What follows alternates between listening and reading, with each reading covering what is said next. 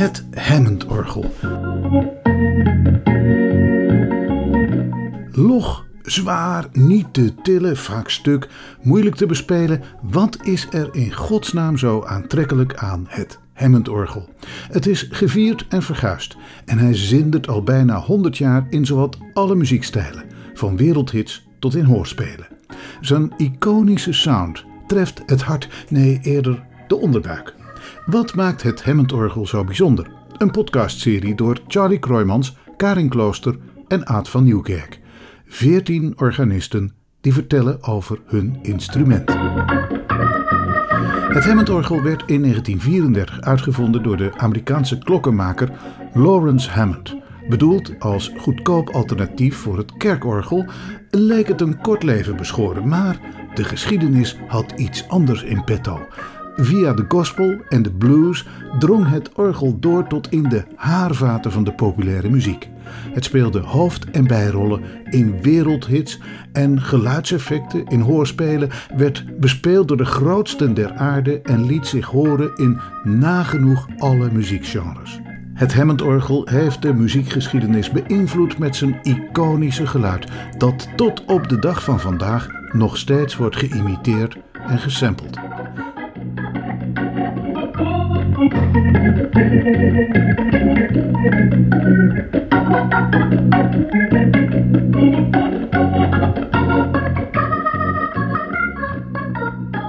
Dit is aflevering 1. De 14 organisten stellen zichzelf en hun instrumenten met toebehoren voor. Maar eerst gaan we op bezoek bij de enige echte Hammond-specialist en Hammond-reparateur van Nederland, Sjaak van Oosterhout. Hij vertelt over het reusachtige assortiment aan verschillende soorten Hammond-orgels. Hoe- hoeveel modellen heeft Hammond gebouwd? Jezus, ik denk, denk over te, meer dan 250 verschillende modellen.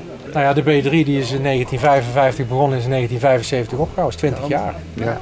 En het was allemaal hetzelfde materiaal. Ja. Er kwam alleen steeds iets meer bij. Maar de basis bleef gewoon eh, het- hetzelfde.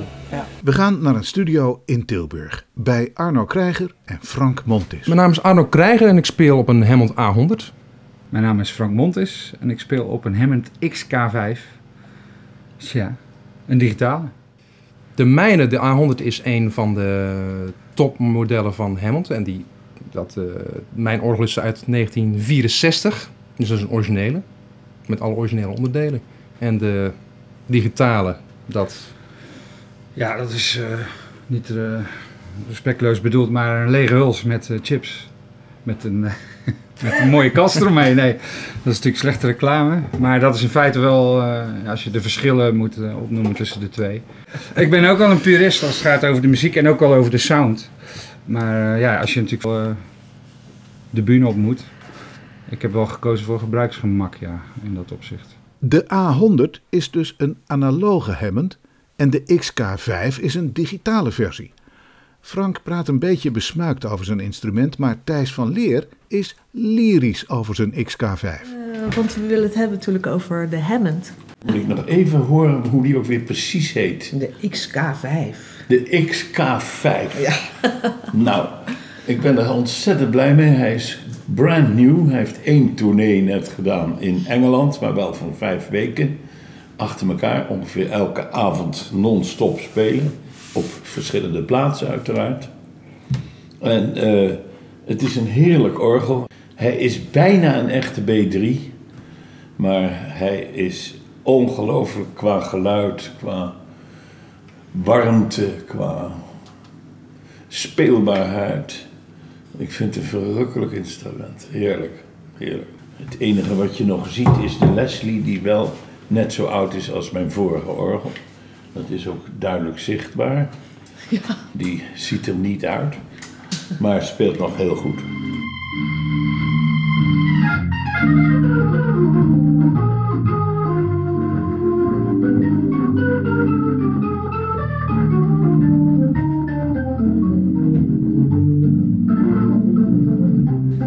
Ben eh, Rob Mostert, Hammond-speler vanaf mijn zevende. Dus ik ben al een tijdje bezig met, eh, met deze instrumenten. Rob heeft drie Hammond-orgels. Maar met welke treedt hij nou het liefst op? als ik dan het podium opga met een instrument, dan moet het ook wel gewoon, voor mijn gevoel, een echte Hammond zijn. Dus een vintage.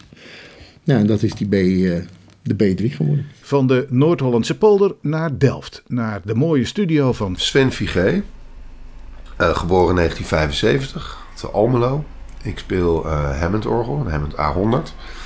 Eh, maar ik ben eigenlijk getraind als pianist. Dus piano, ja, eigenlijk, eigenlijk speel ik alles waar toetsen op zitten. allemaal verschillende types orgel dus. Sven speelde aanvankelijk op een X5 met een oude transistor Leslie en later op de L100. Op een gegeven moment kon ik een L100 kopen. Een studio in Boven-Karspel. Dat is echt 25 jaar geleden. En daar heb ik die Leslie die ik nu heb, eh, toen ook samen met een L100 gekocht. Die L100 heb ik bij Anouk gebruikt. Een fijn orgel, gaaf sound, maar loodzwaar in een grote kist. En eh, die heb ik op een gegeven moment eh, verkocht. En daar is een X5 weer voor in de plaats gekomen. En die X5 die, heb ik jarenlang gebruikt. Ja, die begon op een gegeven moment een beetje uit elkaar te vallen. En toen ben ik op een gegeven moment overgestapt naar de XK3. Dat is de digitale Hammond, zeg maar. Eh, Zo'n zes jaar geleden, denk ik, zeven jaar geleden. En ik heb vorig jaar de XK5 eh, gekocht, toen die uitkwam. Ik ben Boy Ingwersen en ik speel op een Hammond A100 eh, met een Leslie 145. Nou ja, de A100 is qua wat er binnenin zit, technisch is het hetzelfde als de B3. Eh, alleen de kast is anders. Eh, en de A100 is eigenlijk een goedkoper orgel, omdat er dus een andere kast omheen zit. En nou is dit originele orgel is eigenlijk zeg maar voor in de huiskamer. Dus er zaten origineel onderin speakers, maar die zijn er onderhand weer uitgesloopt om het orgel wat lichter te maken voor vervoer. En bijvoorbeeld bij het model B3, wat iedereen kent, kocht je die speakers er in een losse kast bij. En toen gingen we op bezoek bij JP Barst. Ja, ik heb er hier twee staan. Een eh, M3, een oude toonwiel. Dat is eigenlijk het zusje van de, van de grote B3. Eh, Het ding is loeizwaar, en, eh, maar nog een, enigszins te behappen qua formaten en zo. En, eh, en ik heb hier een X5, een heel populair portable orgel. Eh, is eigenlijk, ja, ik was begonnen met die B100 en uiteindelijk de volgende stap was de, de X5 met twee klavieren. En, geen toonwiel, maar transistor eh, Hammond. Maar ja, heel veel, heel veel heel populair instrument geweest. Ja, Nico de- ja, noem ze maar op, weet je wel. Eh, die hebben zo'n ding. En, eh, een scheurijzer.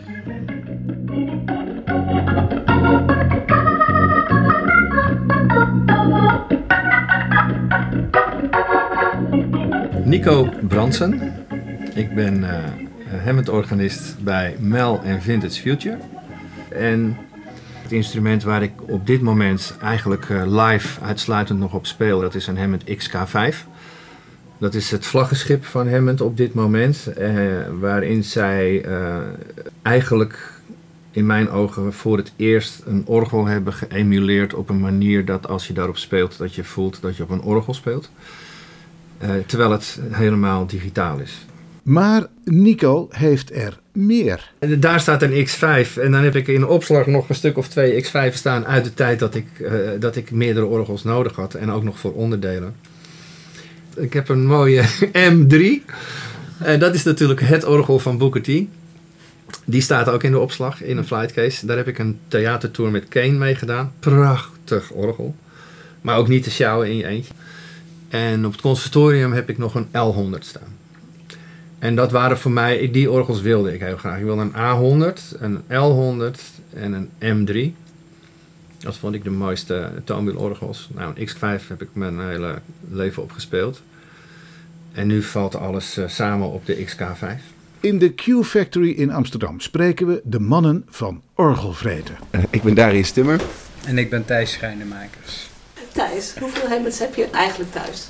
Nou, dat zal je misschien verbazen, maar ik heb zeven Hammonds. Wat? Zeven? ja. ja. heb je daar wel plek voor?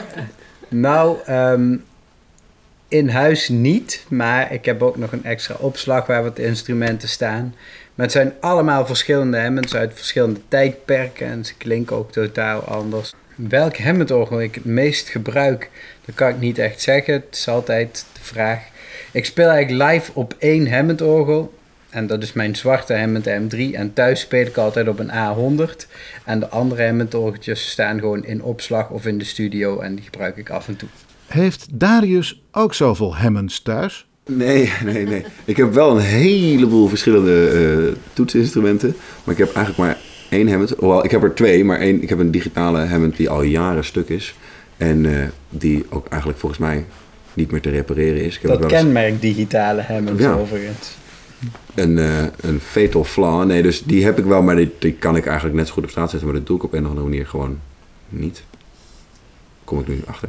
Eh, maar dus ik heb eigenlijk maar één werkende Hammond in mijn bezit. Ook een M3 uit 52. Maar ik heb daar een andere motor in laten zetten. Omdat de motor... Het was eerst een M2 en die motor heeft geen percussie. Dus nu heb ik een 102 motor in laten zetten, want die heeft wel percussie. En dan heb ik de percussie van een M3 er weer in laten bouwen. Dus het is een soort van Frankenstein-achtig eh, M3-model.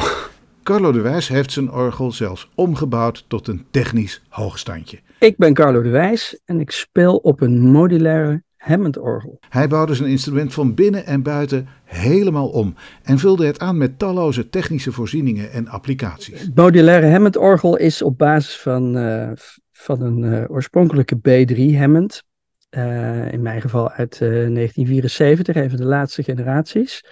Die ik in de afgelopen decennia eigenlijk heb doorontwikkeld met, eh, met allerlei ja, hedendaagse technologie. Dus dat orgel is analoog, maar kan toch nulletjes en eentjes sturen. En daarmee kan ik echt met computers, met eh, modulaire synthese, met allerlei controllers, met software. Eh, en in de toekomst ook met, eh, met AI en met nieuwe technologieën communiceren. En daardoor krijgt het orgel eigenlijk een soort nieuwe laag waarmee ik zowel traditioneel als eh, op een nieuwe manier orgel kan leren spelen.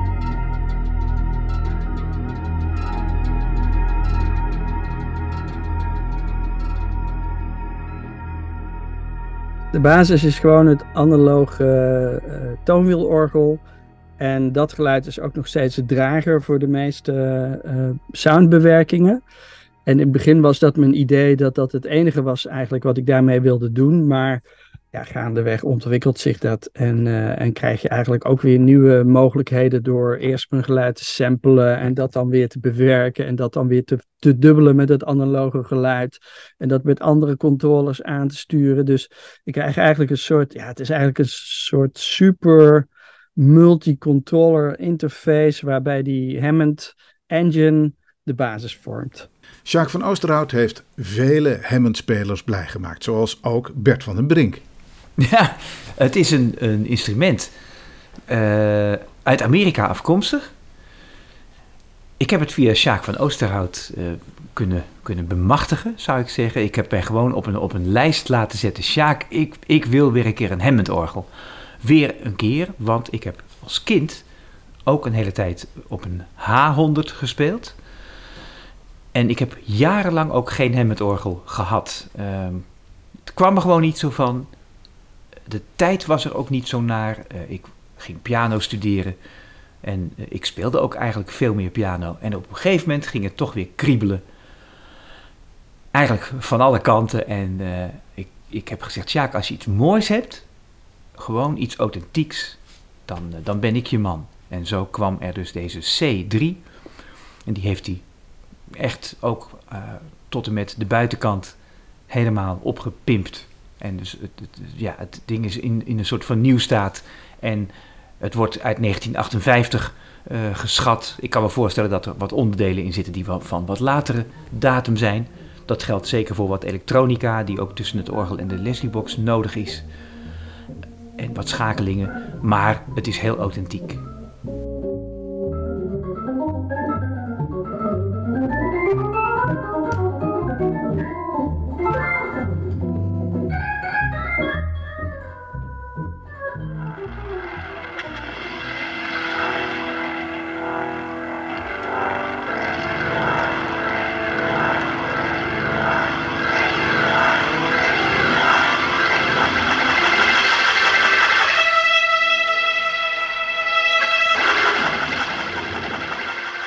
Ik ben Robin Piso en eh, ik speel Hammond-orgel in De Wolf.